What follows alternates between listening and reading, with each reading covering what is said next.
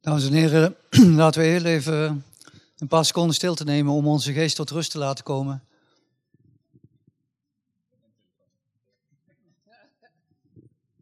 Okay, as Dean of the Faculty of Philosophy, Theology and Religious Studies, I um, wish you a warm welcome tonight on behalf of the faculty and on behalf of Radboud Reflex. Uh, we will have a wonderful evening tonight, I'm sure of that, uh, with the speaker we have invited today, Professor Patricia uh, Churchland. Um, she is a professor at the University of California in San Diego and at the Salk Institute. And you probably know her from her many books, uh, the last of which are uh, Brain Trust and um, Touching a Nerve. Patricia um, has been working on the interface of neuroscience and philosophy, and I give the floor to her. After her lecture, there will be a discussion with the audience, which will be monitored by Professor uh, Leon de Bruin, Professor of Philosophy of Mind. The floor is to you, Patricia.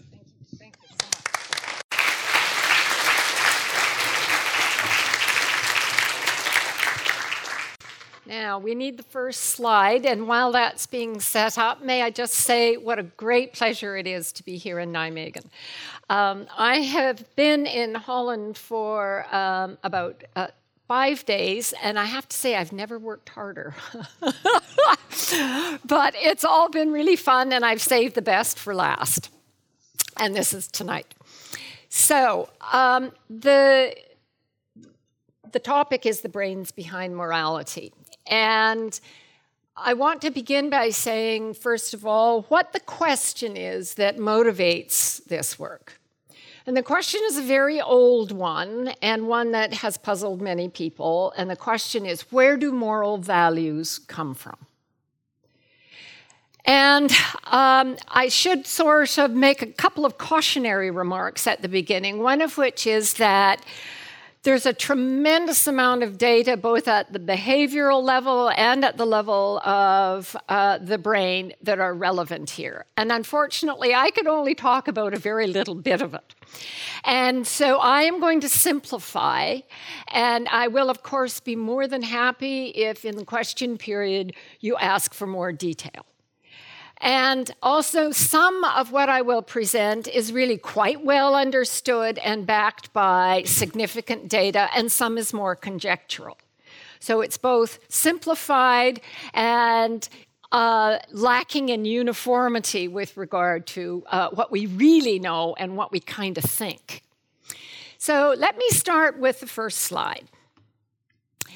And we can begin by talking about value in nervous systems by realizing that the deepest level of value has to do with self oriented concerns, it has to do with survival. And all animals must have the circuitry to see to their own needs. Otherwise, they will not survive long enough uh, to pass on their genes. As Paul MacLean used to say, all animals must be able to succeed at the four F's feeding, fleeing, fighting, and reproduction. and what the circuitry, even in very simple animals, does is provides for uh, adjudicating between should I fight or should I flee, should I have sex or should I feed, and so forth. We don't know in great detail how some of those decisions are made, uh, but in very simple animals, some of that is actually becoming apparent. But what I think is important to kind of emphasize here is that the values themselves are kind of embodied in the very structure of the circuits. The value of self survival, of seeing to your own needs. And because of this, evolutionary biologists have tended to think that with regard to social values, we have a very different kind of problem. And evolutionary biologists have sometimes felt that if there were a mutation for altruistic behavior, that it wouldn't be very long before no descendants would exist because the selfish guys would take over and do them in. And so in his first book, Richard Dawkins said, although I don't think he actually believes this anymore, he said, Let us try to teach children the ways of virtues, the ways of morality, because we are born selfish. It is not in our biology. Now, interestingly, a very different view comes from Charles Darwin. So in 1871, in his magnificent book, The Descent of Man, Darwin asks the question where does our moral sense or our conscience, which I think is a very nice way to put it, where does our moral sense or our conscience come from? And Darwin thought that it basically has three components. There are social instincts that kind of give the general motivation. There are skills and habits that give very particular ways of interacting in a social context, and they are learned. And finally, there is problem solving, or as you might say, reason. Problem solving in a social context where animals, not just humans, but chimpanzees and capuchin monkeys and wolves and others, learn to solve a particular kind of social problem, for example, about a problematic individual or about what to do about scarcity, what to do uh, about predatory neighbors. And I kind of was stunned in a way by this, by, by reading this in Darwin, because of course it also really accords with Aristotle, who emphasized the importance of the fact that we are, as he would say, social animals, and that good moral judgment depends in large measure on habits and skills acquired in the context of others who also have good moral judgment. David Hume, of course, uh, felt that uh, reason alone could not possibly be the source of morality because there had to be motivation. There had to be, as he called it, the moral sentiment, as did Adam Smith. Now, in this slide, I want to say a little bit by way of background, um, just to sort of locate things. So on the vertical axis, you will see years in millions. Horizontally, it's not exactly an axis, but horizontally, you see spatial extent. And this is probably just a reminder of many of the things that you already know. And that is that there are many species of humans, that Homo sapiens, us guys, uh, are very recent, that we came on the planet only about 250,000 years ago. Whereas uh, Homo erectus, for example, you can see uh, lasted a very long time and actually had a very broad bit of spatial traveling. Homo erectus had a brain of about 800 cc's. Yours is between about 13 and 1500. He was no dummy. He had stone tools, they had fire, they walked upright, and they appear to have made rafts out of logs lashed together with vines uh, in order to get themselves across rather shallow bodies of water, uh, but to get themselves into Asia. It's also worth noticing that uh, there is overlap between Homo sapiens and the Neanderthals.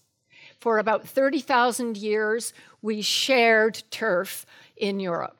And as many of you will know, as a result of the work of Svante Pääbo, uh, we now know something about the genome of Neanderthal. And one of the things that you can do that's really quite cool is swab your cheeks, send it into the National Geographic with $200, and they will tell you whether you have any Neanderthal genes. And we know that there were matings. So I did it, actually. Uh, I thought, Probably not. You know, my ancestors were probably very prudish. Turns out, turns out not so. I actually have 4.9% of my genome is Neanderthal. So when people say the Neanderthals are among us, that's the kind of thing they mean. However, before you get too excited about that, and some of my philosophical critics, of course, nodded wisely and say, said we suspected as much, but uh, before you get too excited about that, most of the genes that come from the Neanderthals and that we carry really have to do with digestion uh, or with the immune system.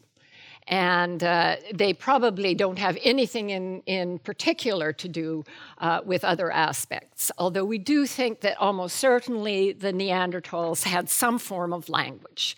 They didn't have the full range of phonetic sounds that we can make, but they appear to have been quite capable uh, of making a number of kinds of sounds. So, why do I mention this? Because it's sometimes thought that, not unreasonably, that religion is really the source of moral values, that moral values come from a divine person or from a religious sort, source. And part of what this diagram reminds us is that humans of many different kinds manage to do very well in their small groups, as indeed small groups of hunter gatherer scavenger Homo sapiens have done, uh, without having anything like organized religion. We do not really see organized religion until about 10,000 years ago. So, for most of the history of Homo sapiens, we managed our social affairs without it. Now, some people thought there was this god and that god, and the tree god, and the sun god, and the moon god, and so forth, but they didn't play any particular role in social organization, so far as we can tell. And that's partly an inference from existing social groups that are hunter gatherer scavengers. The Inuit, for example, who've been really very well studied in the Arctic, uh, did not believe in a personal god. They sort of ascribed spirits to various things like whales and seals. Uh, but they did not view these things as the source of moral knowledge or as the source of moral rules. Now, religion probably did come into significant play with the advent of agriculture as communities expanded. Now, when you're in a very small group, and those of you who have been camping, let's say for two or three weeks in a very small group, you know that sort of moral suasion, a frown here, a thumbs up there, is kind of all you need to sort of keep order. But once a group gets very large and not everybody knows everybody, and those guys are out tending sheep and these guys are tilling the fields, then it may not be a bad idea to have this conception of an all seeing deity who knows what you do, even if I can't see you. There were other reasons, of course, for religion to become a more powerful force in large communities. Uh, but in this context, of course, I'm interested in the point uh, about moral rules. It's also worth mentioning that in Asia, uh, there was Mencius and Confucius, who also had very Aristotelian like ideas about the nature of morality. That is, that it somehow came from our nature, it was rooted and anchored in our nature, and that, it, that our practices could emerge as people figured things out, negotiated with each other, talked to each other, tried and succeeded, or tried and failed, uh, and so forth. In neither the case of Mencius or Confucius or Aristotle uh, was there an appeal uh, to a divine being. Now, I want to say a little bit, uh, and, and this is just woefully oversimplified, so I beg your indulgence, but uh, I want to say a little bit about uh, moral philosophy. And the fact that I think that I can get the whole of moral philosophy on a single slide really does give you a feel for how simplified this is. Okay. But to a first approximation, you can see, at least in the Western tradition, although I do include Confucius, you can see that there are kind of two ways of thinking about these things. There's what I call the legal model, that basically takes how the law works in a com- large community, how the civil law or the, the uh, criminal law works, and then says morality is kind of like that. There are laws and rules, and they articulated in the case of the, the, the, law on the books, and they may not be fully articulated in morality, but it must be that there are laws. The skill model is very different. And so here we see people like uh, Confucius, Aristotle, Darwin, and David Hume, where the idea is that uh, you have this basic disposition and motivation to be moral. Uh, and through experience, through learning, through imitation and modeling, through approval and disapproval, uh, you acquire a deeper understanding. So, of course, Kant is a famous instance of somebody who sought, as many philosophers uh, who work on morality do, who sought the absolute rule, that is, the rule that governed all people at all times under all conditions. And he thought he could do it without appeal to religion and essentially only by appeal to reason. And since nobody's too clear about what reason is, he relies mostly on consistency. And that is not making yourself an exception to the rule. But of course, as all undergraduates know, it's very easy to cook up an absolute rule that you can consistently consistently hold, but which is clearly an immoral rule. And the, and the, the, usual one that the students come up with goes like this: that uh, all Jews should be um, subject to the final solution, and so now we pro- apply Kant's, uh, Kant's categorical imperative, and the student says, Yes, it applies to me too. And if I am a Jew, then I should be subject to the final solution.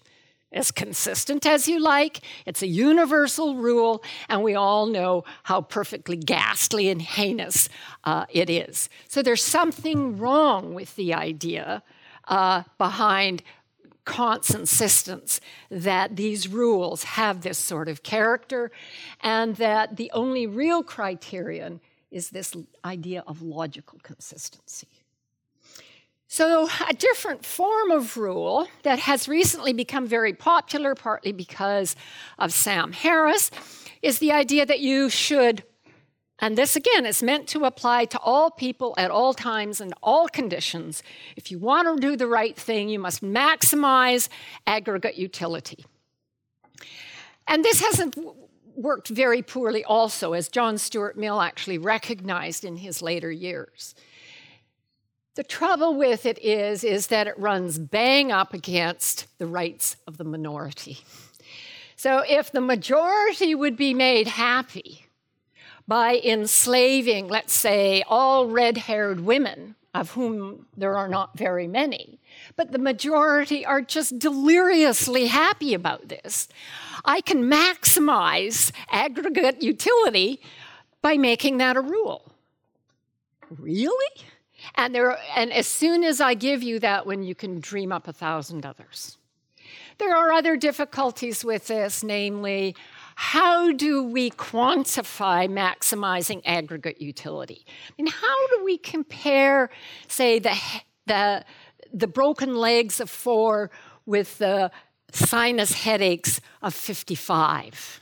I have no idea. And most people don't. It is not quantifiable we make sort of guesses. And of course, we all know the consequences matter. So this isn't to say the consequences don't matter, it's just to say in this form of a rule, uh, maximizing aggregate utility doesn't work very well. The final sort of difficulty with this is that maximizing aggregate utility means everybody has to be treated the same. So my own children get no preference relative to unknown children on the other side of the planet. If there are more of them, then these count for nothing. And that really, I think, goes against the grain. That's hard to buy into. And nobody's been able to come forward with a really satisfactory version of utilitarianism uh, that manages to accommodate that fact. So there's something right both about Kant and there's something right about Mill and maximizing aggregate utility, but we can't take them straight on as they are because they are beset with problems. So we're really back to Darwin. And we're really back then uh, to Aristotle, Hume, and David Smith, uh, Adam Smith.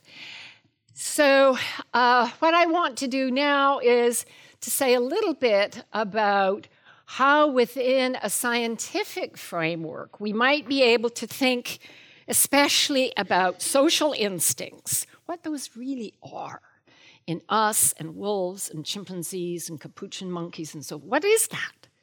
Where did that come from? And I want to bring to bear a variety of kinds of sciences. And the first will concern non human social behavior. And there are wonderful animal ethologists, of course, and, and my personal favorite is perhaps your personal favorite, and that is Frans de Waal. We also draw upon neuroendocrinology and the understanding of the role of very specific neurochemicals and hormones in producing social instincts. The basal ganglia, uh, don't be put off by the funny name. Uh, the basal ganglia are the great hot thing in neuroscience over the last, let's say, 15 years. And that's because tremendous breakthroughs have been made in understanding the role of the basal ganglia in skills and habits. And if Darwin is right that learning social practices, learning norms and conventions and customs has to do with acquiring habits and skills, the basal ganglia must play a role. And then, of course, there's genetics and its role in the evolution of the brain. So, let me just say quickly about ethology, and I won't uh, stay long on this because many of you, uh, uh, I'm sure, will know the work very well.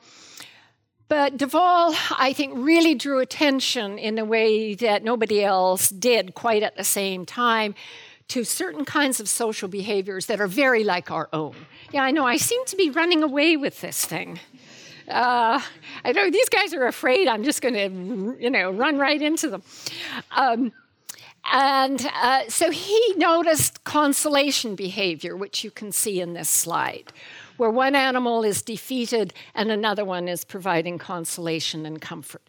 He saw reconciliation behavior after conflict, and we see that, of course, in wolves and dogs and other things. Uh, we know from Chris Boesch that there can be adoption by male chimpanzees of orphaned baby chimps, and that they will take care of them at considerable inconvenience uh, to themselves. And no, they are not their biological fathers. And we know that because they collect the urine and do the tests. We see third person punishment. de Waal and his lab have, have shown very interesting experiments concerning fairness. We know that even rats have remarkable self control, by which I mean they can defer gratification, they can cancel an action, they can suppress impulses. We see cooperation, in, in uh, hunting behavior of chimpanzees, but also in the hunting behavior of wolves. And then there are wonderful examples uh, of reasoning. We know that rats, for example, can do transitivity. Howard Eichenbaum showed this many years ago. So, transitivity says uh, if A is taller than B and B is taller than C, then A is taller than C. Rats can do that. And the test for it is sort of long to explain, but it's very clear. Rats can do transitivity. So can fish, it turns out. And David Anderson from Caltech has shown that. If this guy can beat him and he can beat him, and I'm one of these aggressive male fish, it's a very useful bit of information for me to have. How that's represented in the brain, we don't know. Now, the last bit of kind of background information I want to give, and this is probably less necessary here in Nijmegen than elsewhere, but it concerns the nature of concepts and categories. And the point is really an old one um, that has a lot of traction and, and, a lot of work since it was originally formulated. Eleanor Rosch did the early work, and the point was that most of our workaday concepts, are concepts that we get by with as we're talking to our family and friends and the butcher and the grocer and so forth, have a radial structure. They are not concepts that are precisely defined by necessary and sufficient conditions. What do I mean by a radial structure? That they have prototypes at the center that are particularly good examples of the thing in, in question. They have very fuzzy boundaries, and with declining similarity from the prototypes, uh, they go out. So, as you probably know, the standard example uh, is vegetable. So, everybody in the West thinks carrots are vegetables. If you ask undergraduate, what's the first uh, uh, vegetable that comes to your mind? Many people say carrot and so forth. So, they're prototypical vegetables. Radishes, well, not so much. Some people consider them only garnish, that you'd never eat such a thing. And then, of course, out on the fuzzy boundaries are things like wild mushrooms or parsley. Now, we don't really care if there are these outliers in the, in the category of vegetable. I've never actually lost sleep over whether or not parsley is a vegetable. Uh, and so we manage very well with these radial categories with their fuzzy boundaries. Now, I introduce this for a very specific reason. First of all, because what counts as a prototype, even with regard to vegetable actually, varies across cultures. So if this is the category of a dwelling, notice that the Inuit consider that prototypical. The Plains Indians consider that prototypical. I grew up in something that was kind of like that, and uh, other people of the prince and princess standing grew up in that sort of thing, and so forth. And so there can be cultural variability in what counts as a prototype of a particular category. And I think that's particularly important as we want to think about social categories. So, here too, I think we see prototypes, fuzzy boundaries. And children appear to learn largely by being introduced to prototypes and to non prototypes where we say, well, we don't know whether that guy's really honest or not, or that wasn't really a very truthful thing, thing to say, or what have you. And so, concepts like friend, honest, truthful, trustworthy, I mean, everybody kind of knows that even if you take the Ten Commandments seriously, that they always have exceptions. And every child knows when they're told they aren't supposed to tell a lie. That if it's grandma saying, Do I look fat in this? or Does my hat look funny? They don't, yeah, it's really gross. You don't say that. Um, and so we all know that there are exceptions. And it seems that concepts like moral and not moral are also, I hypothesize, of this kind. That is, they have a radial structure, there are prototypes where we all agree on what is moral, there are boundary cases where we may not know what to say and there are cases in between where there may be some disagreement. Where we do sometimes have to make a decision is it within the context of the law.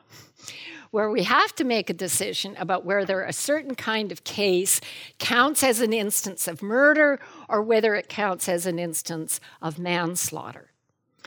But by and large, in our sort of everyday goings on, we can live with the fuzzy boundaries. In the context of the law, when we are required to make a decision of that kind, we try to make it by uh, negotiating, discussing, seeing the pros, seeing the cons, uh, and so forth.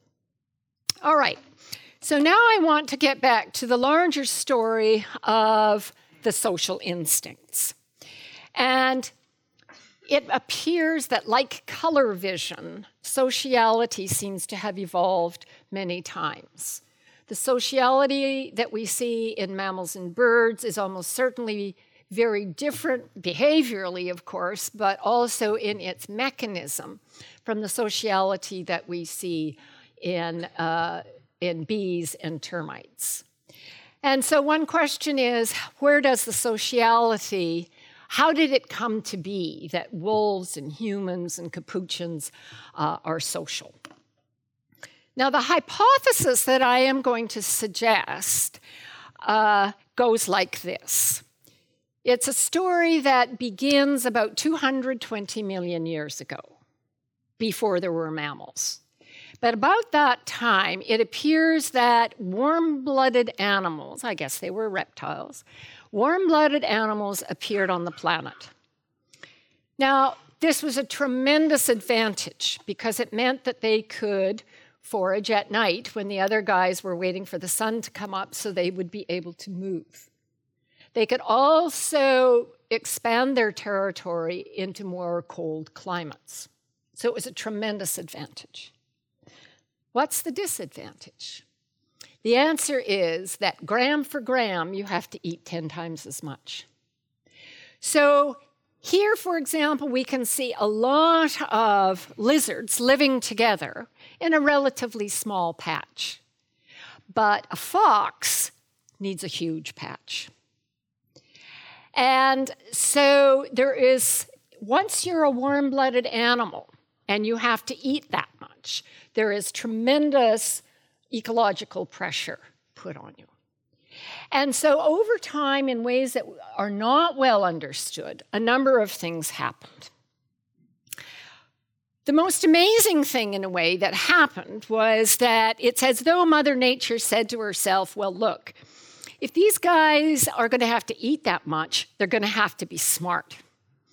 Now, to be really smart, they need to learn what's going on in the environment they're born into.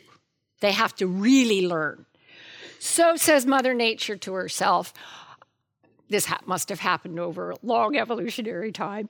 Um, we'll take the learning mechanisms already in place in reptiles and expand them, scale them up really dramatically so that the animal can learn. Now, of course, it, there's no point in scaling them up by having more and more neurons unless those neurons can learn, unless they are, as it were, immature. If they're already sort of structurally mature, there's not there's a little bit they can learn, uh, but not all that much.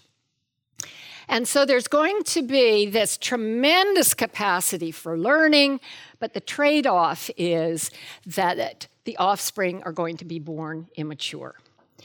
Now, just to remind you, uh, you're looking at cortex, of course, on the outside, and uh, the, the, the purple rind, as it were. And if you take a chunk of cortex and you blow it up, you see that it has this very highly stereotypical structure of six plus layers organized with very specific cell types, with very specific inputs and very specific outputs. It's unlike any other structure in the brainstem or the basal ganglia. Reptiles do not have cortex, or they don't have what's called sometimes called neocortex.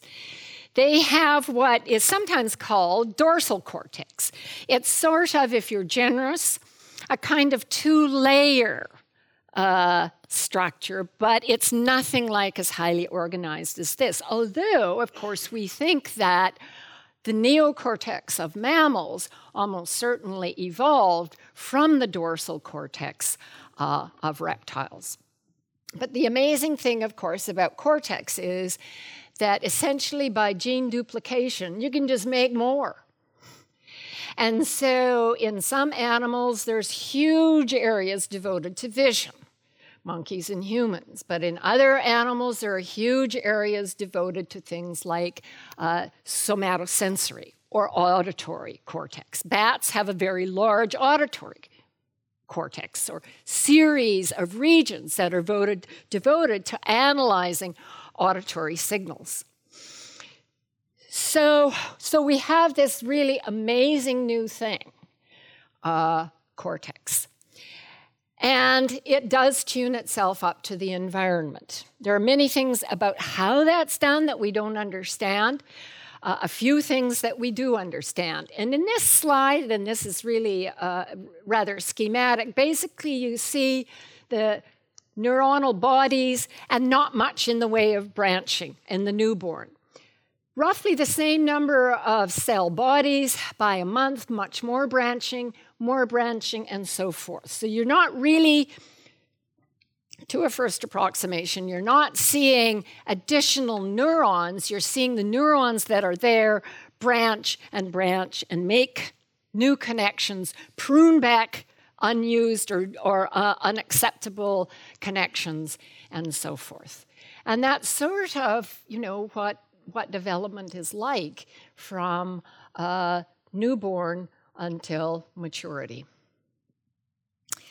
So, how, how does Mother Nature solve the problem of dependence? So, the offspring are born highly vulnerable, easy pickings for big birds and other things. So, the basic answer, and again, we do not really understand the details except in sort of outline, and maybe they'll be filled in, and maybe we'll just end up thinking about it rather differently. But as things stand, it looks like there was a major rewiring of the hypothalamus and related structures. And the rewiring did the, accomplish the following thing. If I, as a mother rat, see to my own food and water and warmth and safety, this rewiring bonds me to my offspring in such a way that they are kind of an extension of me. And I take care of their food and water and warmth and safety. And that's a, that seems to be, and we think this happens in birds as well. And so it's kind of an amazing event in the evolution of animals to sh- have this shift from essentially self care to self and other care. How is it done? Well, I indicated that the hypothalamus is an important part of the story, and so also is the neurochemical oxytocin, about which I'm sure uh, you will have heard quite a lot. This is a very simple uh, representation of oxytocin. It's a very, very ancient peptide. And we know, for example, it's in frogs and newts and snakes and all kinds of things. But it doesn't do in them what it does in us. And what it does in, uh, in our brains, that is, what it does in our brains is it helps to regulate this attachment to the offspring and eventually uh, to others to whom we are attached. Now, exactly how it regulates that and exactly what its role is is not well understood. But the experiments that we have available to us so far indicate that oxytocin is extremely important.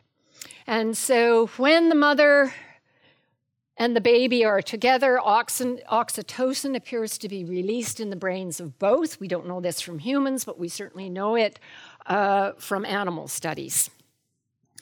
And the release of oxytocin in the brain appears to be essential for the baby to be attached to the mother and vice versa. But there are other things as well. There are the endogenous opioids, those things that are like opium that your own brain makes. And there are the endogenous cannabinoids, those neurochemicals that are like smoking grass. And in fact, the only reason that smoking grass makes you high is that your own brain makes cannabinoids, with cannabinoid receptors for them to uh, um, adhere to. In any case, those things also play an important role.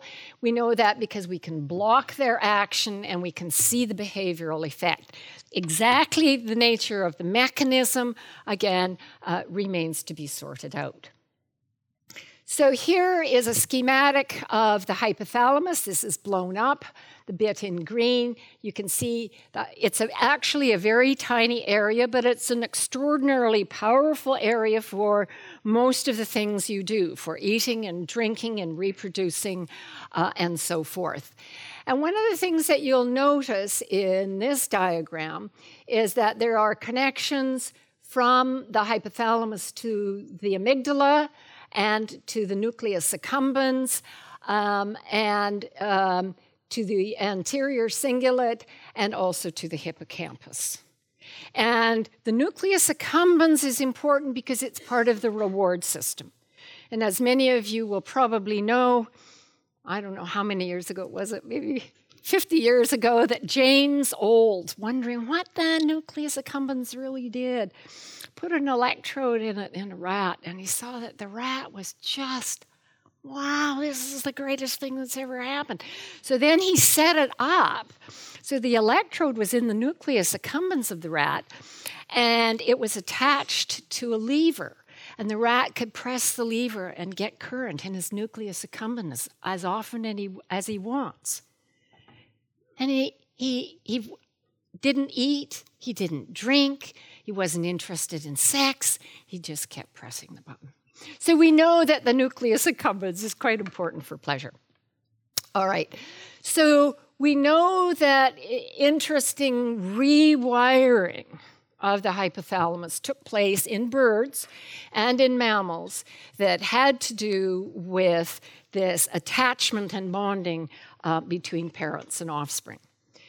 Now, the hypothesis then is that sociability, at least of this very limited kind, and I'm going to tell you about a wider kind of sociability in a minute, but sociability of this kind is a basic value for social animals, and that it is a product of natural selection. And we can see fairly easily the basic story that makes it work. And we know that the hub of the story depends on oxytocin, the sibling uh, peptide vasopressin, as well as the opioids.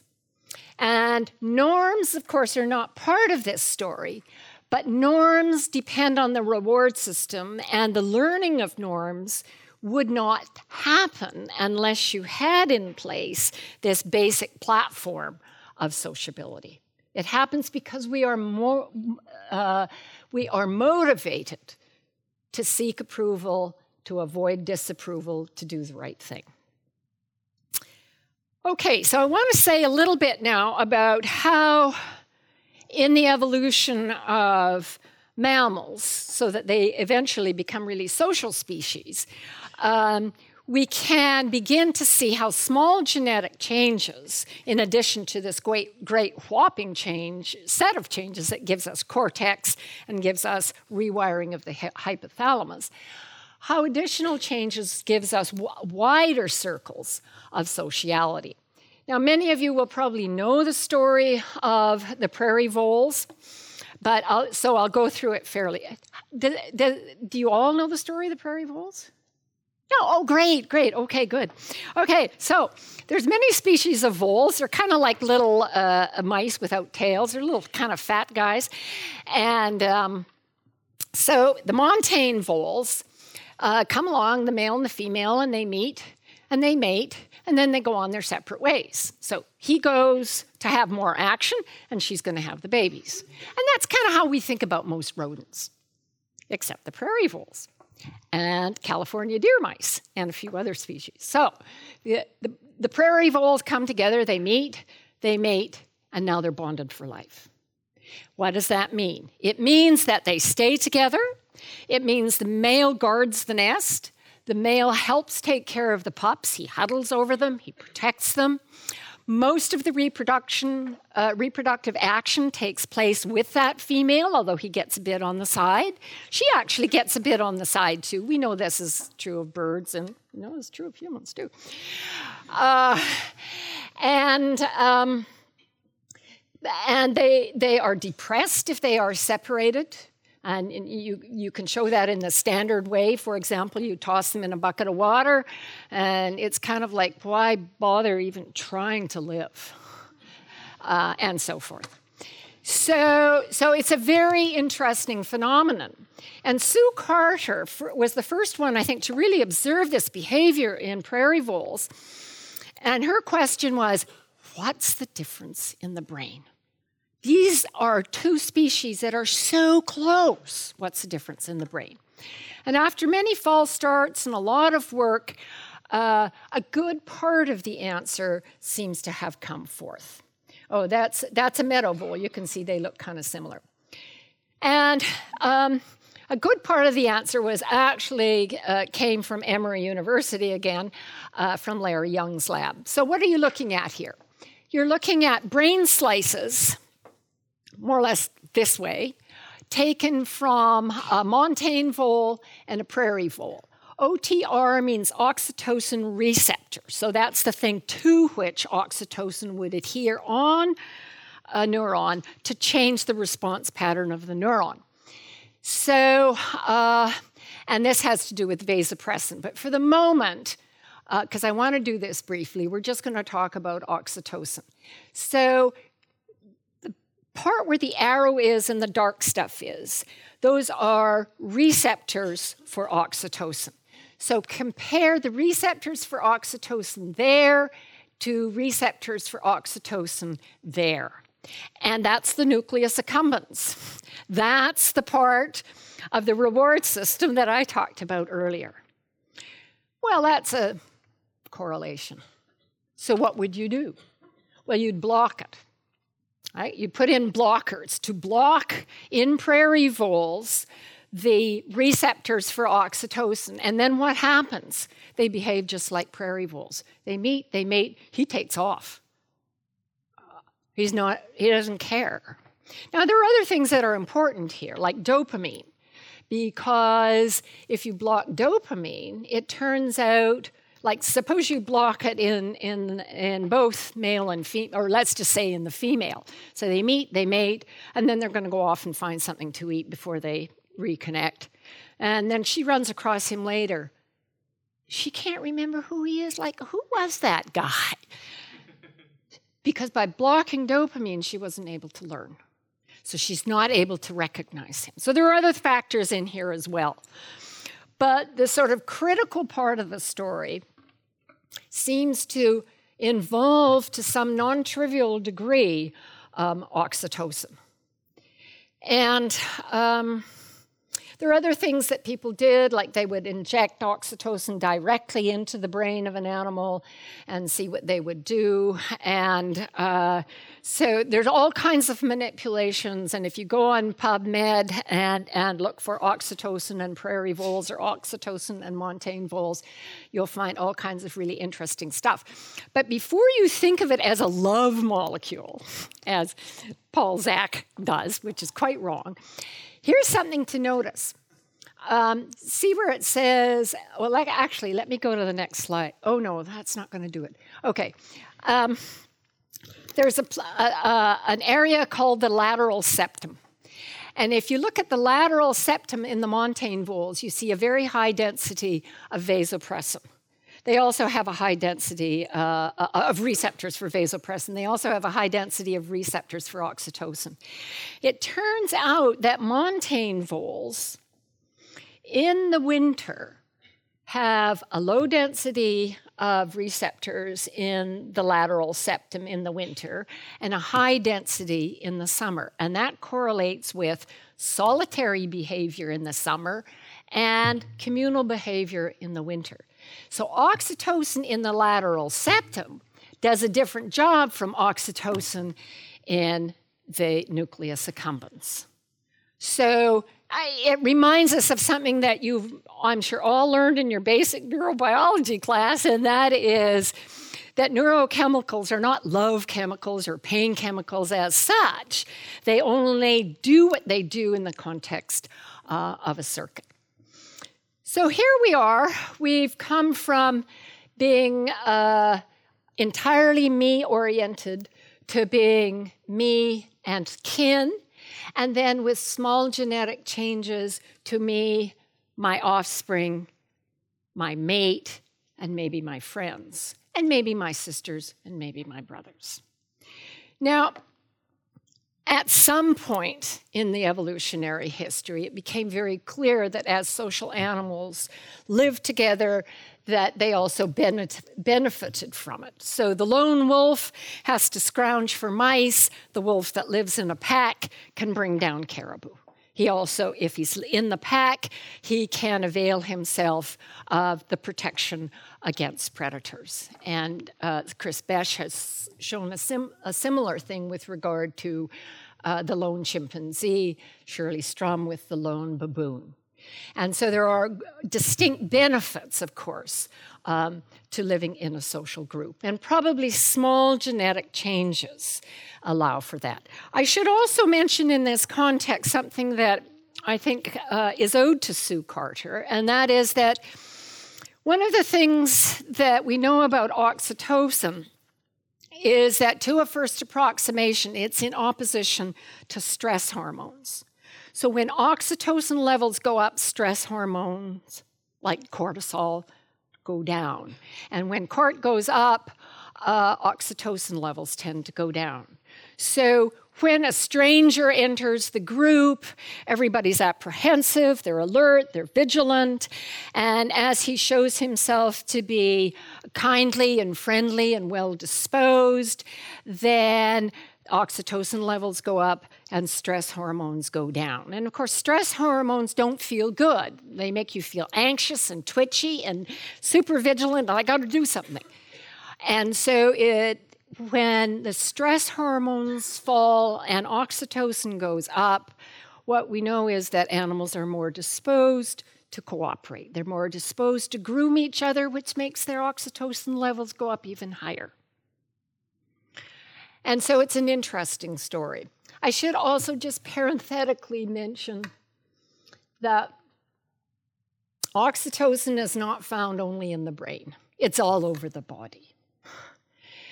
It's made in the ovaries, it's made in the testes, it's made in the heart, in the gut, and in the kidneys, in the vagus nerve, and so forth.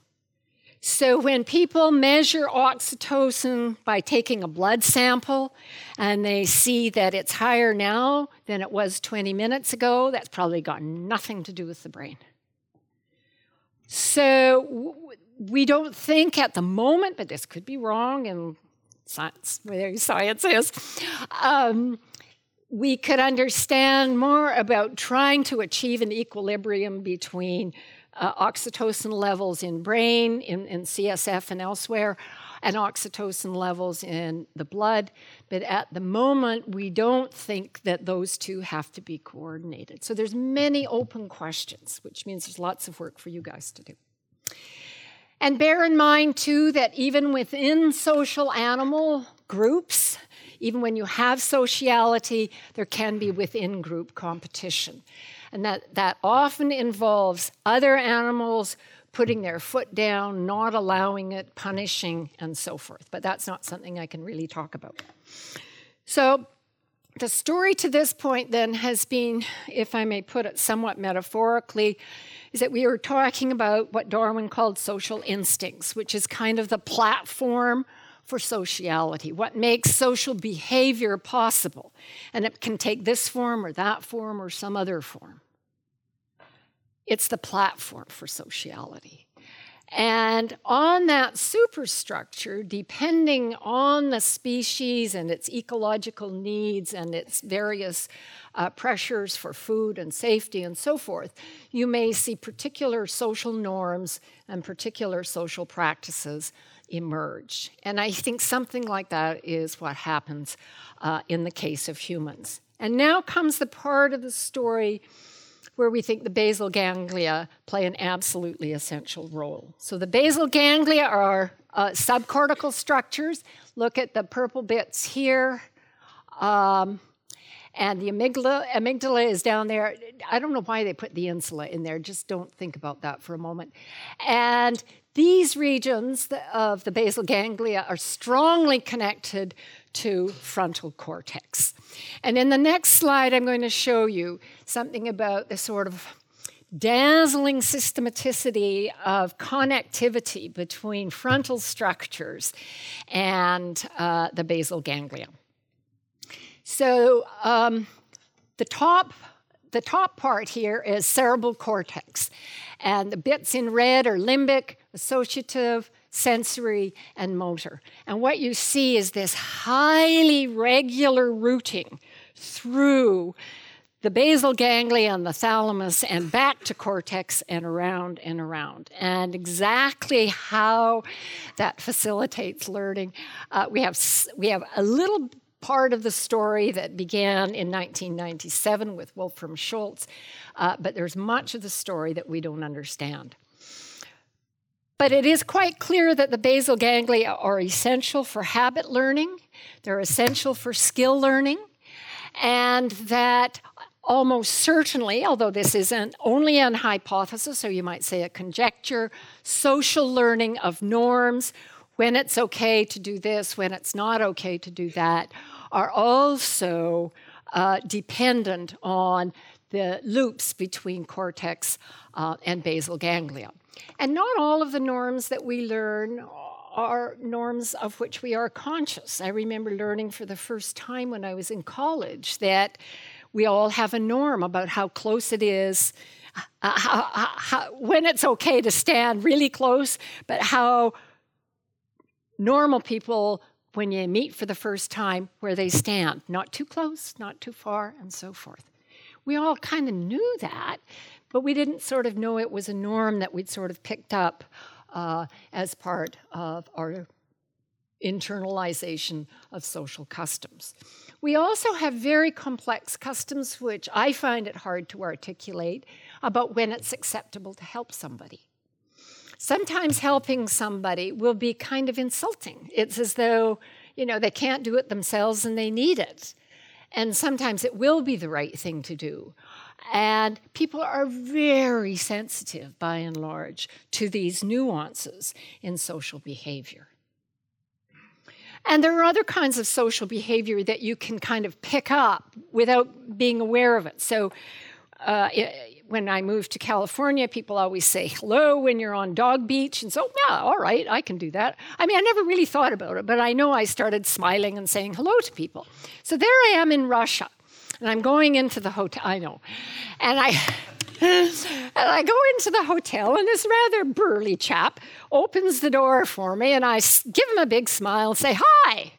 And it's like, oh my God, you know, what is this? Um, and I realized that it was a faux pas, that you don't do that.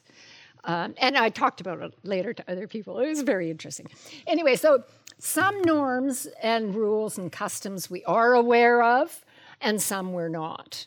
And they do engage the emotions.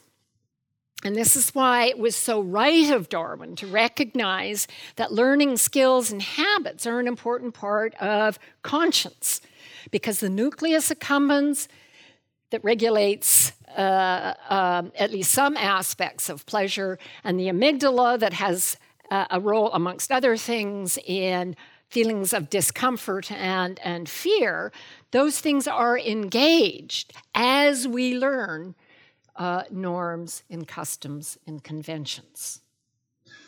And uh, so when I was a child, we were not allowed to lick our knives at table. And occasionally I'd really kind of want to, and I'd think, oh, and you just get this horrible feeling like, oh no, that, you can't do that.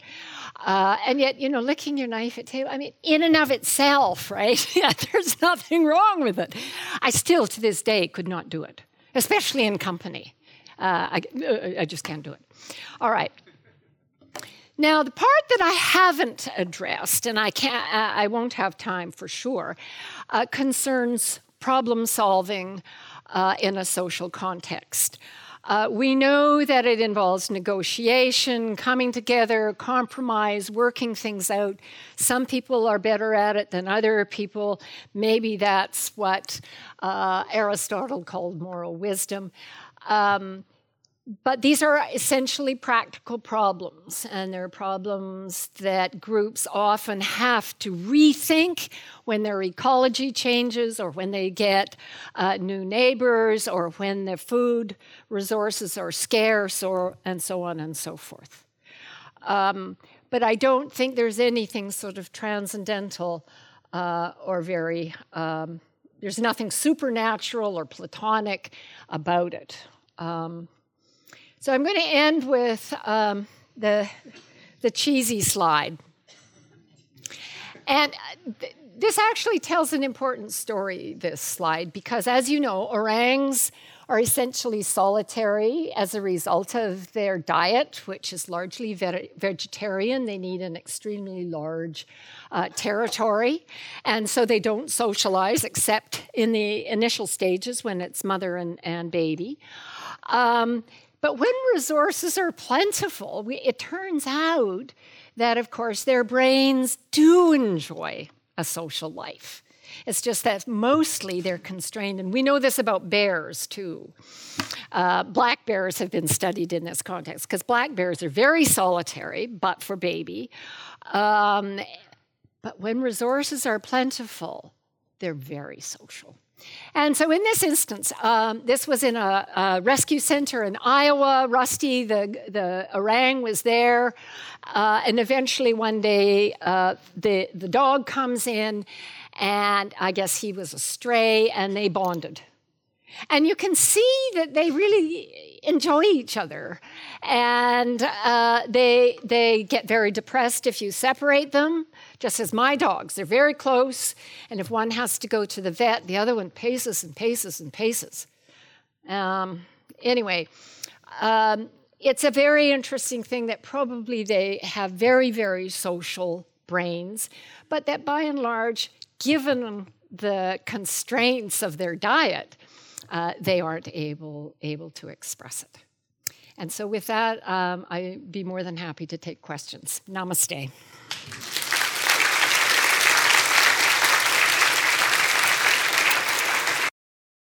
Uh, I can call you Patricia, right? Pat. Pal, oh, that's even better. Uh, thanks for your uh, wonderful and uh, very rich talk. So I've, I've many topics I think we, we can explore yeah. uh, in more detail. We have, um, well, almost an hour. So what I they get to ask too, yeah. That yeah, okay. sure. I won't say that much.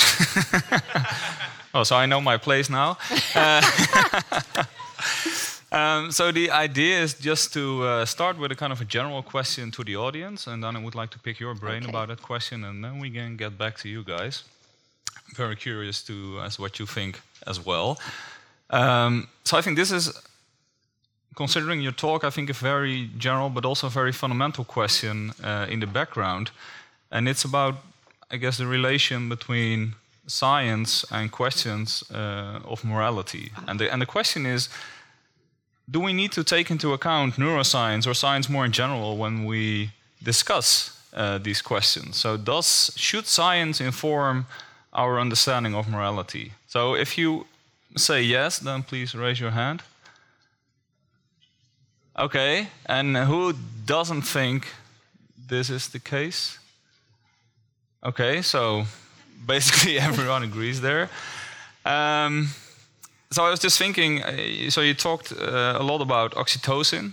So, for example, when you um, let's say have a have a case of child abuse, um, and we find out that for example, there's a deficiency in oxytocin in the mother or the father, is this a case where we should, I guess, pay attention to what science tells us and take this into account when we, um, well, when we make moral decisions about about such a scenario? What What do you think? So, uh, not just not just yeah. about this case, but also more in general.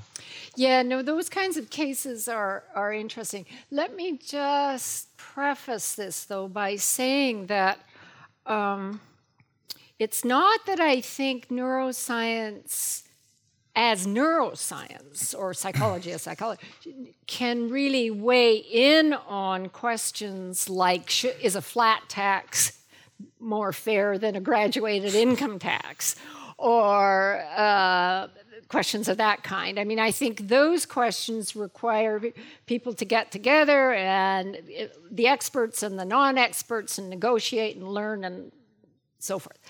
And I mention that only because Sam Harris, bless his heart, says in his book, The Moral Landscape, that neuroscience can answer all these questions. And, and I, I actually fell out of my chair at that point, but, mm-hmm. because he's quite wrong um, about that. Um, but with regard to the kind of question that you're raising, this is very much, these kinds of cases are very much at the forefront of uh, the research by people on neuroscience and the law. And there's a brilliant textbook called Neuroscience and the Law that involves Jeff Schall, who's a neuroscientist, Owen Jones, who's a law professor, and Francis Shen, who's a law professor. But I mean, the kind of case that actually happens is a case like this. I mean, because the oxytocin case isn't that people don't abuse their children for that reason. Um, is that there was a study done by uh, Terrie Moffitt and uh, Avshalom Caspi, which showed that there was a subset of males in New Zealand in this rather homogeneous group that had a genetic variant for a particular enzyme.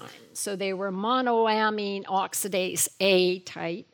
And the variant meant that uh, serotonin and norepinephrine were not cleaned up from the synapse in the normal way. And these individuals, if they were also abused as children, had a tendency to be extremely aggressive, even without provocation. And so, um, what defense lawyers, once they heard about this, uh, did was they would get their um, their um, clients genetically tested, and if they carried the genetic variant and they were abused, then they would enter that, if they could, in, into evidence. And in the famous Italian case that I think I talk about in uh, Touching a Nerve, um, in the sentencing phase, not in the, I mean, he, the guy was clearly guilty, uh, but in the sentencing phase, they actually reduced the sentence from uh, murder to manslaughter, although it was clear that he intended to kill this person and had gone to the, the bar in order to shoot her, and he shot her five times. Now, uh, personally, on, on that particular case, I was mildly surprised at the decision because you might say, well, it's not his fault. On the other hand, this is a really, really dangerous guy. Mm-hmm. Um, so I wouldn't. I think where things are in the US on the MAOA genetic variants is that it hasn't yet been determined whether that should be allowed into evidence or not. Right. And in terms of uh, oxytocin findings, oh, that's well, way too yeah, far. Yeah, no, no, no. Okay. Yeah, that, that's not really. Uh, uh, yeah, that's right. not really it. Yeah. But in, so, in principle, if we know enough, and, and well, it's hard to say when that is probably, but um, you don't have a problem with uh, taking this kind of evidence into account when we. Well, I think it, you have to be very, very cautious, and. Um, you have to recognize that the law is very, very practical, and the law has the criminal justice law that is, is very concerned with public safety. And so even if somebody is deemed incompetent, so there's the, the, the, question whether they're competent to stand trial, whether they're guilty, and if they are, what the sentence should be. So you might get a guy who has shot up a whole lot of people because he thought they were all uh, Hitler and Goebbels and so forth, and he's totally and completely and utterly delusional. And so when he sits down with his lawyer, to uh, try to prepare his defense. He thinks he's at a hockey game. Such a person is deemed incompetent to stand trial. We do not say, oh, okay, then off you go home, right? That is not what happens. They are put in the asylum for the criminally insane until such time as they are competent to stand trial. And that's because the law recognizes that if this person is that dangerous, then even if they are completely delusional, you can't just let them go. So you have to bear in mind, I think, in thinking about the criminal justice system, that that it is, and, and you can see this in Aristotle, who in a way was, you know, a deeply thoughtful jurist, uh, is that it's very practical that public safety is of utmost concern. It doesn't trump everything, but it's of great importance. And the criminal justice law, the set of laws and the set of decisions, embodies a huge amount of wisdom about these kinds of cases and when this nuance matters and when that doesn't, and so forth. It's not uniform because individuals look at things in slightly different ways, but there's a tremendous amount of wisdom in it. Now, it's not always applied with the same degree of wisdom. But I think the law is, is, a, the, it's an amazingly rich source of how to deal with these kinds of complex cases. Okay. Yeah. Thank you. Um, well, let's see what the audience uh, thinks of this. So you can ask a follow-up question, but you can also you feel free to ask something else. I mean, that's fine. Uh, right. So let's see who has a question for. So I see there one at the top, Yeah, over here. and then the one in the middle.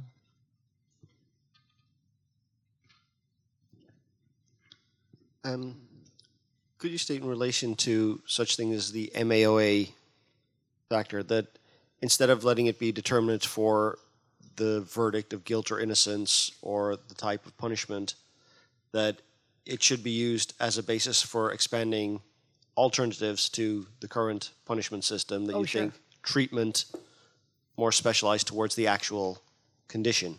Right. Okay, I get this question a lot. and he, let me ask you the question What's the treatment?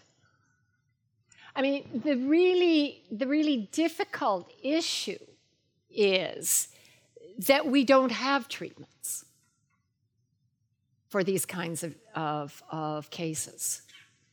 And for for many, I mean, it was, there was a wonderful comment at, at dinner about how being a criminal, or even being a violent criminal, is not a biological kind. There are many, many kinds of conditions that might provoke it. There are many different kinds of circuits that might be employed. Aggression itself is really, really ancient, much more ancient than the kind of sociality we see in mammals and birds. And we have no idea how to treat much of it. Um, I mean, we know how to sedate people, but the civil rights lawyers quite rightly say, look, you know, you can't just take old Joe Blow here, who's extremely violent, and just sedate him and say that's good enough. He doesn't want to be sedated. So um, there, if if we knew, right, we might then have something to talk about, but we don't.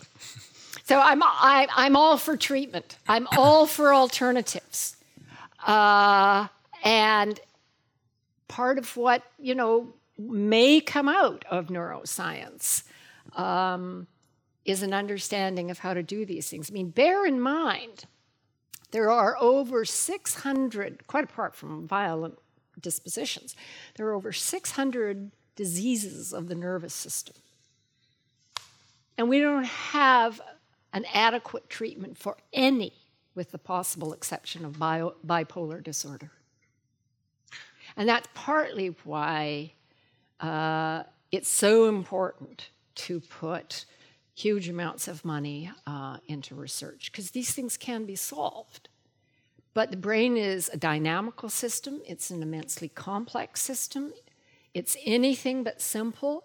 Some of these things we may not be able ever to treat, but some of them we may, like multiple sclerosis, for example, or, um, or um, ALS. But um, we're a long way from having a way of treating criminals.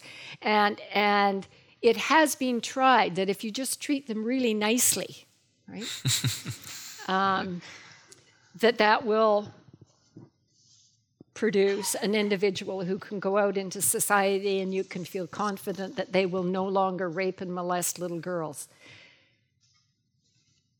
It doesn't work.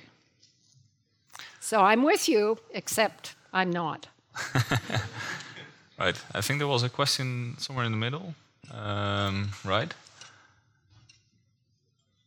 Uh, yep, that's uh, Uh, thank you for your interesting uh, talk about the um, relation between social behavior and the nervous system. I was wondering uh, uh, if you know if the nervous system, the uh, brain structure of people with uh, personality disorders uh, like narcissism or schizotypical uh, personalities, who you can say that they don't have these social skills, you can find a different structure uh, of the brains you were talking about? I don't think it's known.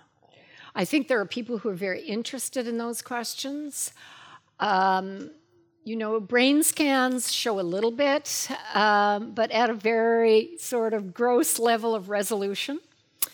And there, some of you may know data that I'm not aware of, but I think we don't really understand. And you know, people have been studying. I mean, schizophrenia, of course, is a major uh, disease that that neuroscientists have been trying to understand for a long time. We know that it's highly heritable. In the sense that if you have identical twins and one twin has it, the probability that the other has it is somewhere between 50 and 70 percent. So it's highly heritable, but it's not perfect. And um, so gene wide association studies have been done for years and years. And at first it was very exciting because they turned up a gene over here on chromosome 2. And then these guys turned up a gene on chromosome 12. And these guys turned up one on 7 and another one on 7 down here. And the problem is that the GWAS studies have turned up on every chromosome some segment or other that is associated with the population under study, which means we don't have anything yet. And so people are wanting to look at things other than GWAS studies and trying to, uh, to try to find what the genetic story actually is. And, so, and can I just? Uh, um, yeah, you have the microphone, so that's a problem. Yeah. Make that's it quick. Power. Okay, one, uh, one uh, do you know if people with such kind of personality disorder, like narcissism, yeah. for example, if you uh, see them as a mother, do you see a change in these social skills and a change in that narcissistic uh, personality? I, I can't answer that. I don't know. I don't know. Okay. I don't think narcissism, narcissism is fundamentally an issue about oxytocin. It's almost certainly got to do with, it, with other things. But it's an interesting question that you're asking, and, and you should um, you know, follow it up on PubMed and see if you can find anything. And if you can't, maybe you got yourself a research project. Well, there you go. So these guys are in my blind spot, but I do want to oh, yeah. get some questions from there as well. So anyone this here? This guy over here, left side. Shirt, he's well, too late. Uh, guy, yeah. and there's a microphone coming. Also, thank you for your very interesting lecture. And I would like to comment on. I'd like to comment on uh, the first um, asked question. You uh, said you were very careful um, because uh, neuroscience uh, at this moment can offer very little guidance on how to treat certain uh, uh, psychiatric disorders. But my, um, I would like to um, know your uh, viewpoint on how neuroscience can um, mark the difference between punishing someone or just, um, in fact, just locking up someone after his punishment. That's what we try to do in the Netherlands. We say to mentally incapacitated. I uh, see. We see your punishment is over. We lock you up. We treat you nicely, but we don't cannot treat you often. I think I understand the question, and it's um, if someone is deemed incompetent to stand trial, when do we how, how do we determine that they're competent and then allow them to stand trial? Or if they are found not guilty by reason of insanity, and then they're, of course, locked up in an asylum for the criminally insane, uh, when are they freed? Is that your question? No. No. How do you? How do we tell? And locking up, punishing someone oh, and locking no, up. No, I mean, you want the real story?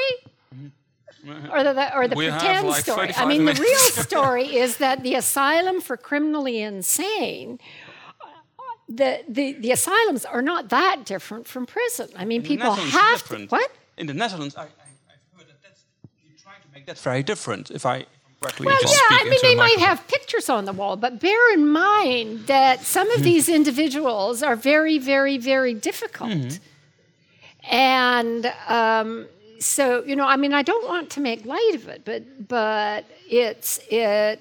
Mm-hmm. They in, in some instances, they, they cannot be allowed, for example, to just freely wander around the wards, and they can't be allowed to just freely wander around outside. Yeah. So, um, but I mean, we're really into territory now, Yeah. which involves a whole, you know, other range of things. But so far as the law is concerned, there's very clear criteria for when you are and aren't competent to stand trial. Can you participate in your own defense and do you understand what your lawyer is saying? And very clear criteria, they may be inadequate, but they're very clear, at least in the US, for whether or not uh, you qualify as not guilty by reason of insanity. Did you understand the difference between right and wrong? And was there intent? And so, for the famous case in Texas where Andrea Yates, uh, who was a stay at home mother who had five children and she was homeschooling them, and um, she drowned all five children in the bathtub. And then she phoned the police and said, I've done this terrible thing. I've drowned my five children. And they came and they got her and they went out. So when, the, when she, she was competent to stand trial, when she, um, they tried to plead not guilty by reason of insanity, but it was not a go because she knew the difference between right and wrong. She knew that what she did was wrong because she phoned the police. Uh, and there was intent. Um, now, she was clearly catastrophically depressed. So the case went into appeal, and eventually uh, she, instead of having to serve whatever it was, a lifetime sentence, uh, she was put in an asylum for the criminally insane. Now, in order to get yourself out of the asylum for the criminally insane, you have to demonstrate to a panel of judges that you're not still insane. That's And difficult. if, if you can't do that, they say, you know, well, maybe next year. yeah. So John Hinckley, who tried to um, assassinate uh, Ronald Reagan, was successfully uh, ple- pled not guilty by reason of insanity. And um, defense lawyers everywhere sort of wrung their hands because they thought he'll never get out. Whereas if he had if he had just been given a life sentence, like say 25 years, he'd get out after 25 years. He can't ever get out because no judge can say, "Oh yes, now he's sane," uh, after what he did. America being America. Right. There's another question there. Yeah, you. Um, yeah. So first the girl, and then the gentleman.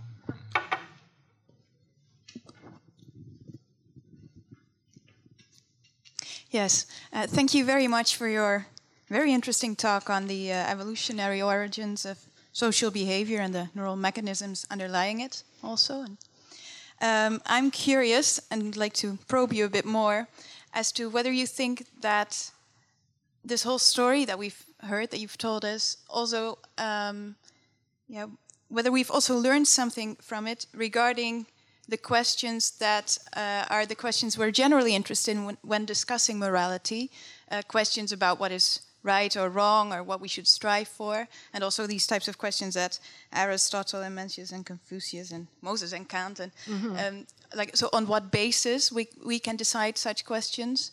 Um, whether we've learned anything about that from an evolutionary story and a story about the neural mechanisms underlying um, social and maybe also moral behavior. That's a really interesting question. Yeah, I would have to say that at, not at this point, because I think particular moral issues um, sort of have to bring into bear the, our problem solving capacity, about which we don't know very much. Um, and they also mean that, that usually these things have to be decided sort of collectively. We have to listen to each other, you know, refute arguments, pose ideas, come to a negotiation, and sort of solve it that way. And, and I think that was sort of Aristotle's view. Um, was that by virtue of the fact that we are social by nature and that we can learn norms, that doesn't tell us what the norms should be. And, that, and, and the norms, in a sense, are always kind of an experiment. You know, the, we, you put a certain norm in place and then you'll try to sort of see how things work out. So in the US, one of the norms that I was talking to somebody about in Rotterdam was the, the idea that um, just as you can't uh, discriminate against people on the basis of race or gender, so you can't discriminate uh, against them on the basis of age. And what this has meant is that in the universities, people can go on and on and on. You know, they never have to retire. And this has caused huge problems.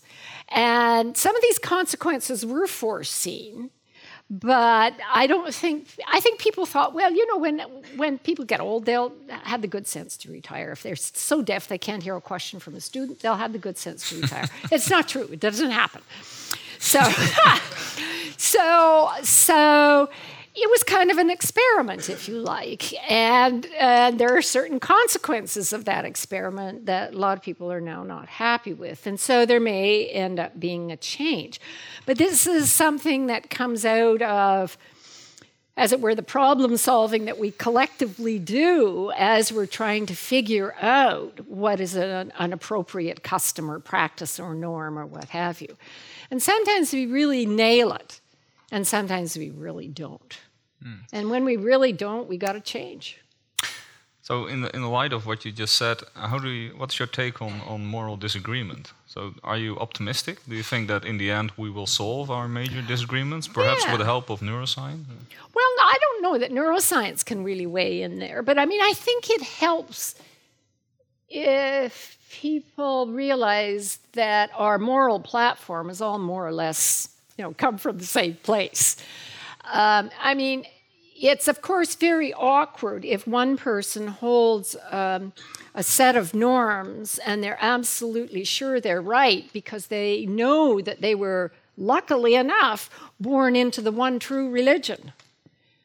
And then discussion is very difficult, as you know. So I think it helps. I think it's rather liberating for us to realize that we share this biology.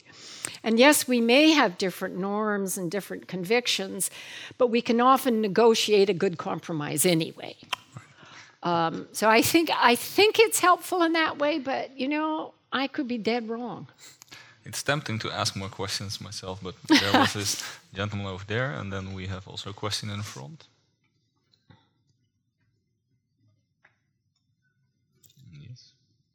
Yeah, so uh, thanks for your great talk. Oh, um, oh, thank you. I uh, recently read a book uh, by David Harriman who uh, described how he derived uh, the scientific method from successful uh, scientific experiments by Ptolemy and Volta and Maxwell.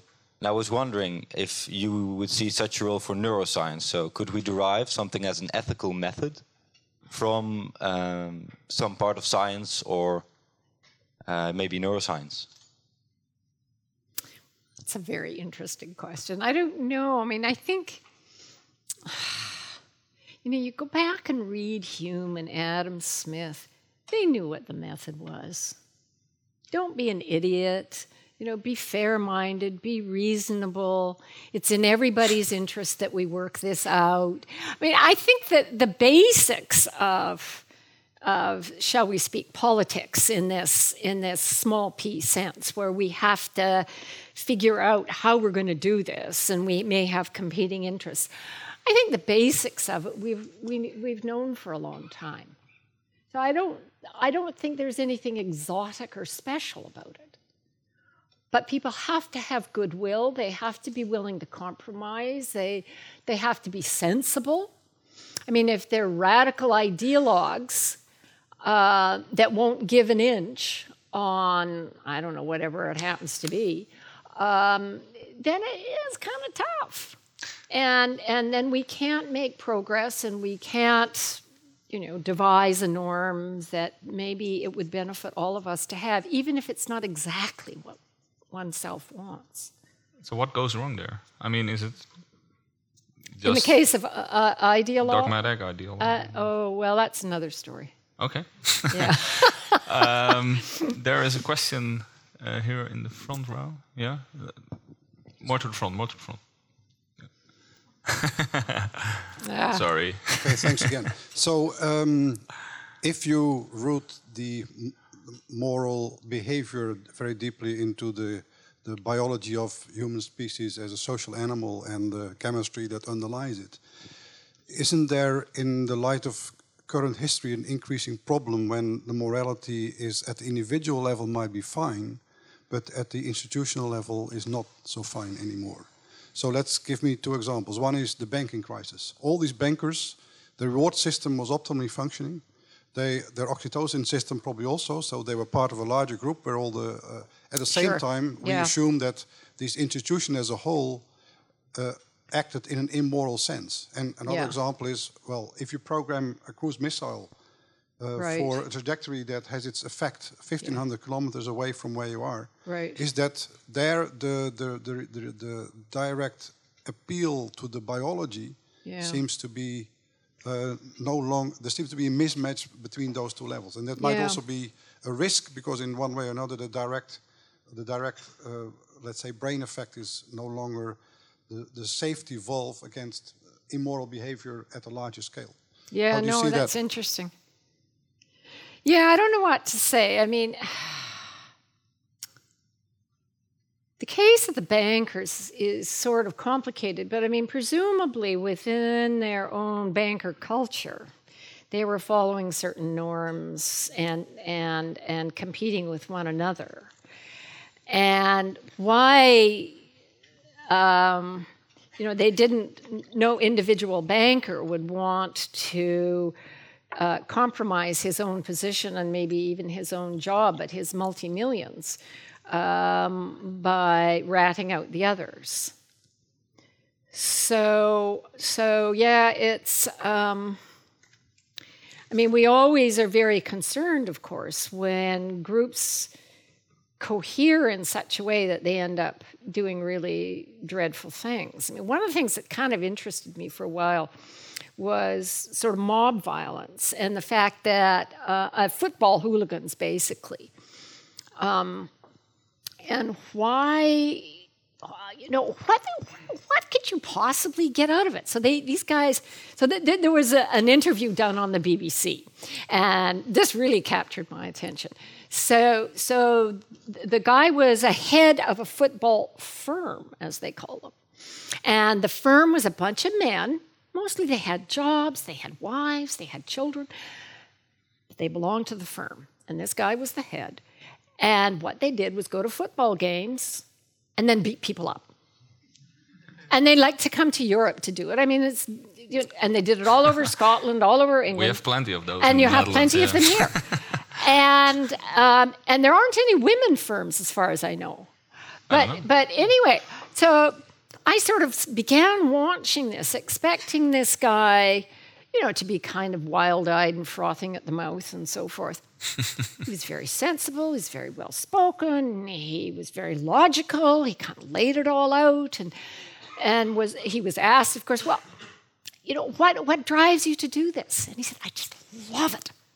It it just gives meaning to my life. And you don't kind of know what to say after that. But it's very important, of course, that it's a group. And they're very tightly bonded to each other. They don't like any one of them to leave. It's like Hell's Angels. They're, they're, they're kind of similar. They're very tightly bonded to each other. They bike everywhere together, and they have these nice fat ladies on the back of their bikes. And, it's, and so there's much about humans I can't get. You know, I just, I, I don't, conclude. I don't get it. Uh, but you know, you see these guys, and and it's their life. So there you have it. It's and the bankers are no different.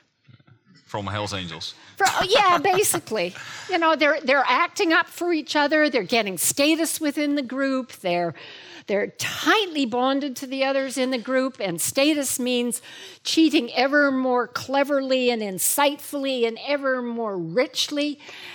That's the game. so, anyway, there you have it. Right. So the lady I just ignored. So maybe only one or two more questions. okay. That's yeah, yeah. Perfect. I'm starting to and then flag. I can ask my questions, right? no, no, I'm kidding. okay. Yes, okay. Um, Yeah, I would like to ask two questions, if possible.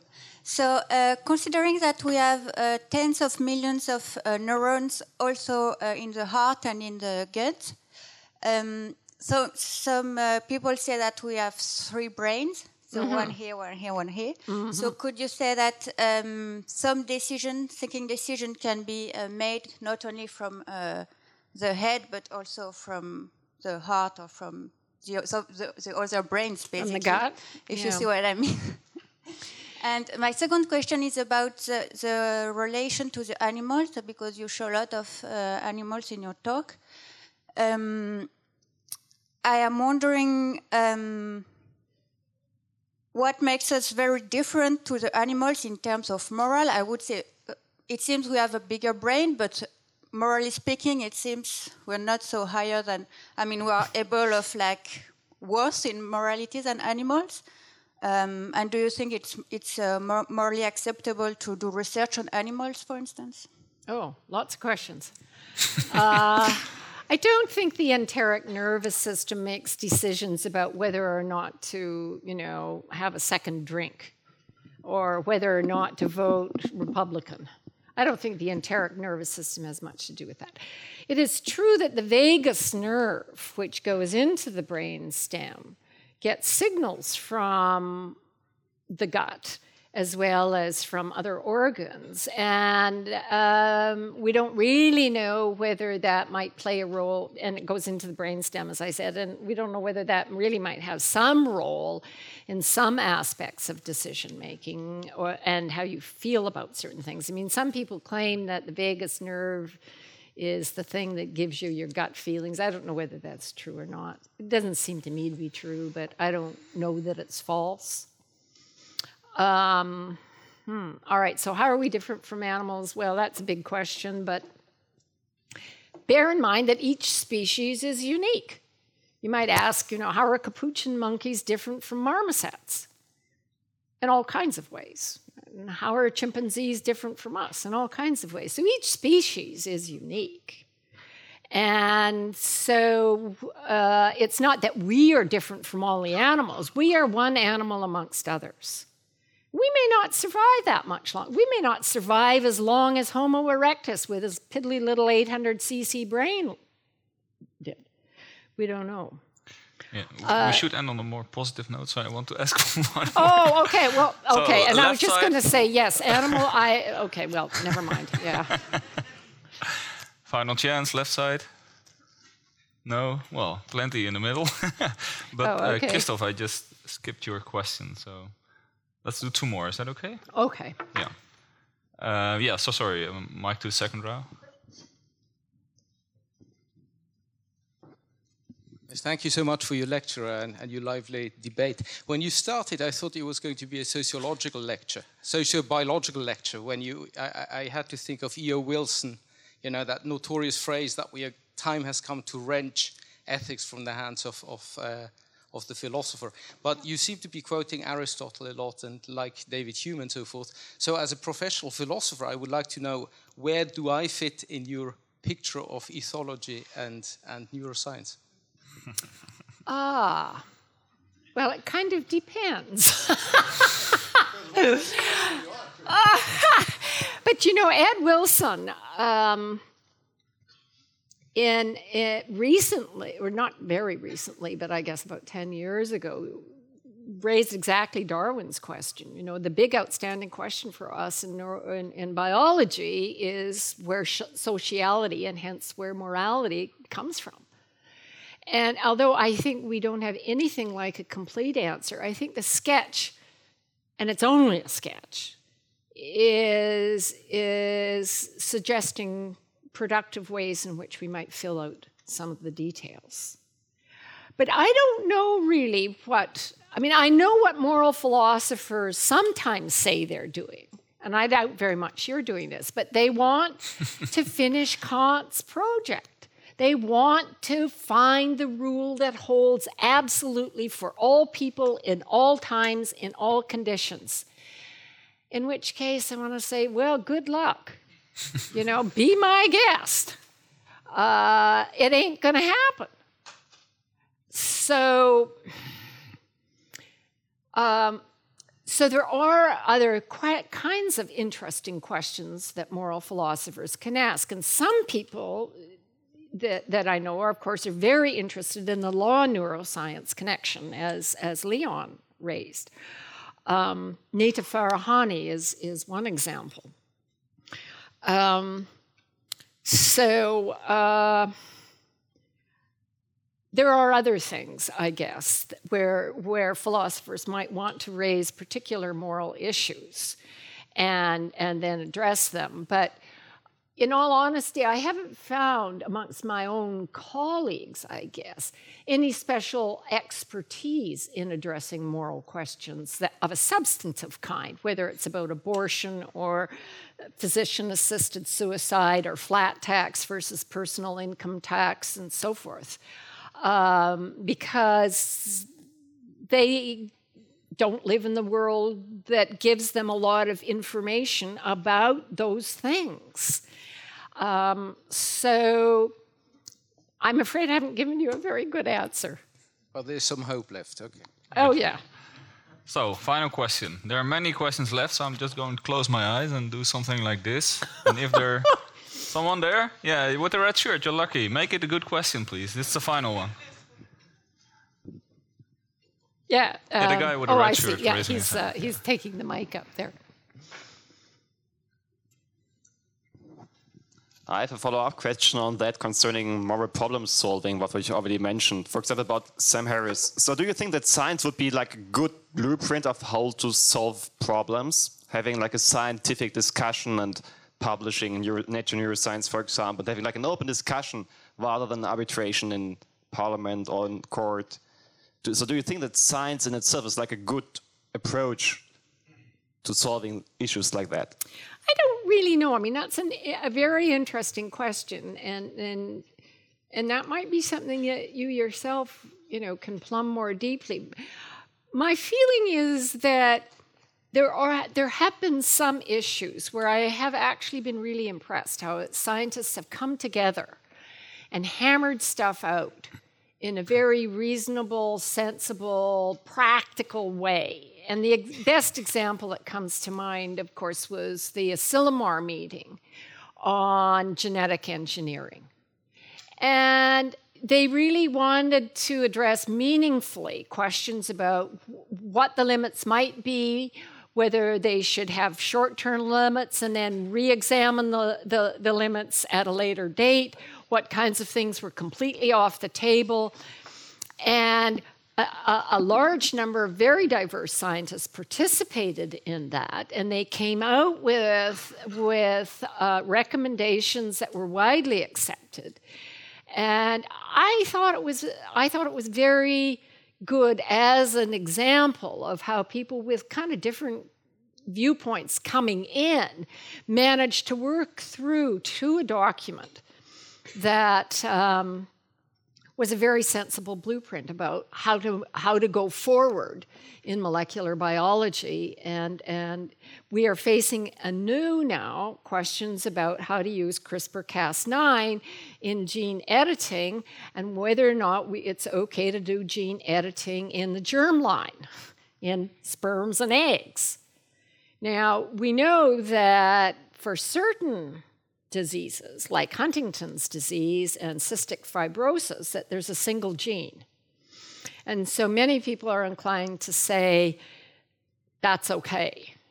But for other things, it's going to be maybe hands off until we see how things look 10 years down the pike.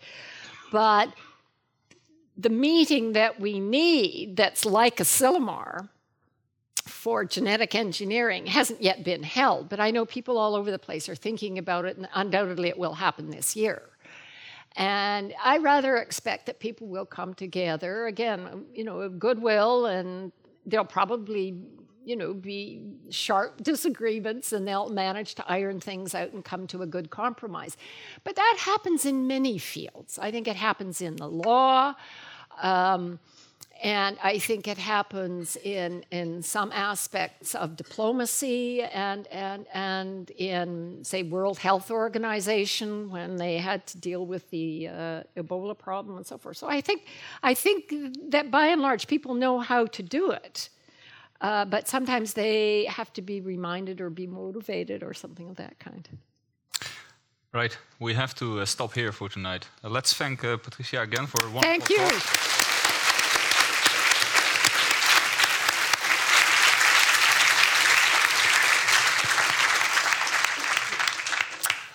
So that's it, guys. Um, thanks for being here. You were a wonderful audience, and I hope to see you again uh, next uh, meeting of Radboud Reflects. Thank you.